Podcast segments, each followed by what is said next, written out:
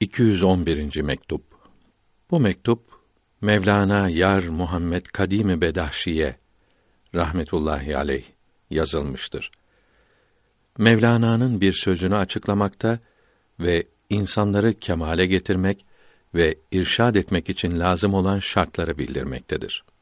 Kıymetli kardeşim Mevlana Yar Muhammed Kadim'in güzel mektubu geldi. Bizleri sevindirdi. Hak Teâlâ sizi yüksek derecelerin en üstüne ve herkesi yükseltmeye ve irşad etmeye kavuştursun. Seçmiş olduğu peygamberi ve onun yüksek âli hürmetine duamızı kabul buyursun. Aleyhi ve aleyhimüsselatu vesselam. Sual Mevlana aleyhir rahme hazretleri kucağımda olan nazlı Hak Teâlâ idi demiştir. Böyle söylemek caiz midir? Cevap: Bu yolun yolcuları böyle şeyler çok söylemiştir. Bir salik tecelli-i suriye kavuşunca tecelli eden sureti, görünüşü Hak Teâlâ sanıyor. Büyük alim İmam-ı Rabbani Hace Yusuf Hemedani Hazretleri bu görünenler hep hayaldir. Bu hayallerle tarikatın çocuklarını yetiştirirler buyurmuştur. Biz de böyle söyleriz. Tasavvufu öğretmek için size izin verilmişti. Bunun üzerine faydalı birkaç şey yazıyorum.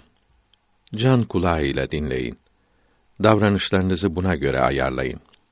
Tasavvufu öğrenmek için bir talip yanınıza gelince çok düşününüz. Bu yoldan size istidraç yapılabileceğini, yıkılabileceğinizi göz önüne getiriniz.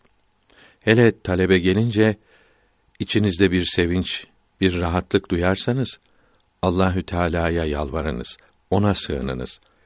Çok istihare yaparak ona tarikatı öğretmek uygun olacağını ve istidraç ve yıkılmak olmadığını iyice anladıktan sonra öğretiniz.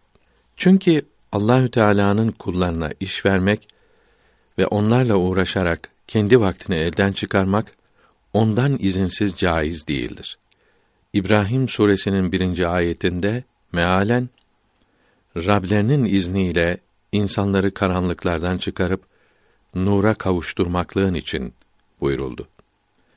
Büyüklerden biri ölmüştü. Şöyle bir ses işitti. Sen benim dinimde kullarıma karşı zırh giymiştin öyle mi? Yani benim dinim üzerinde kullarıma hiç çekinmeden söylüyor, emrediyordun denildi. Evet cevabını verdi. Kullarımı niçin bana bırakmadın? Gönlünü niçin bana vermedin? buyuruldu. Size ve başkalarına verilen izin şartlara bağlıdır. Allahü Teala'nın razı olduğunu anlamadan iş yapmamak birinci şarttır. Şartsız, bağlantısız izin verme zamanı daha gelmemiştir. O zaman gelinceye kadar şartları yerine getirmeyi iyi gözetiniz. Haberleşmemiz lazımdır. Mire de böylece yazmıştım. Ondan da bilgi alınız. O zamanın gelmesi için ve şartların sıkıntısından kurtulmanız için çalışınız. Vesselam.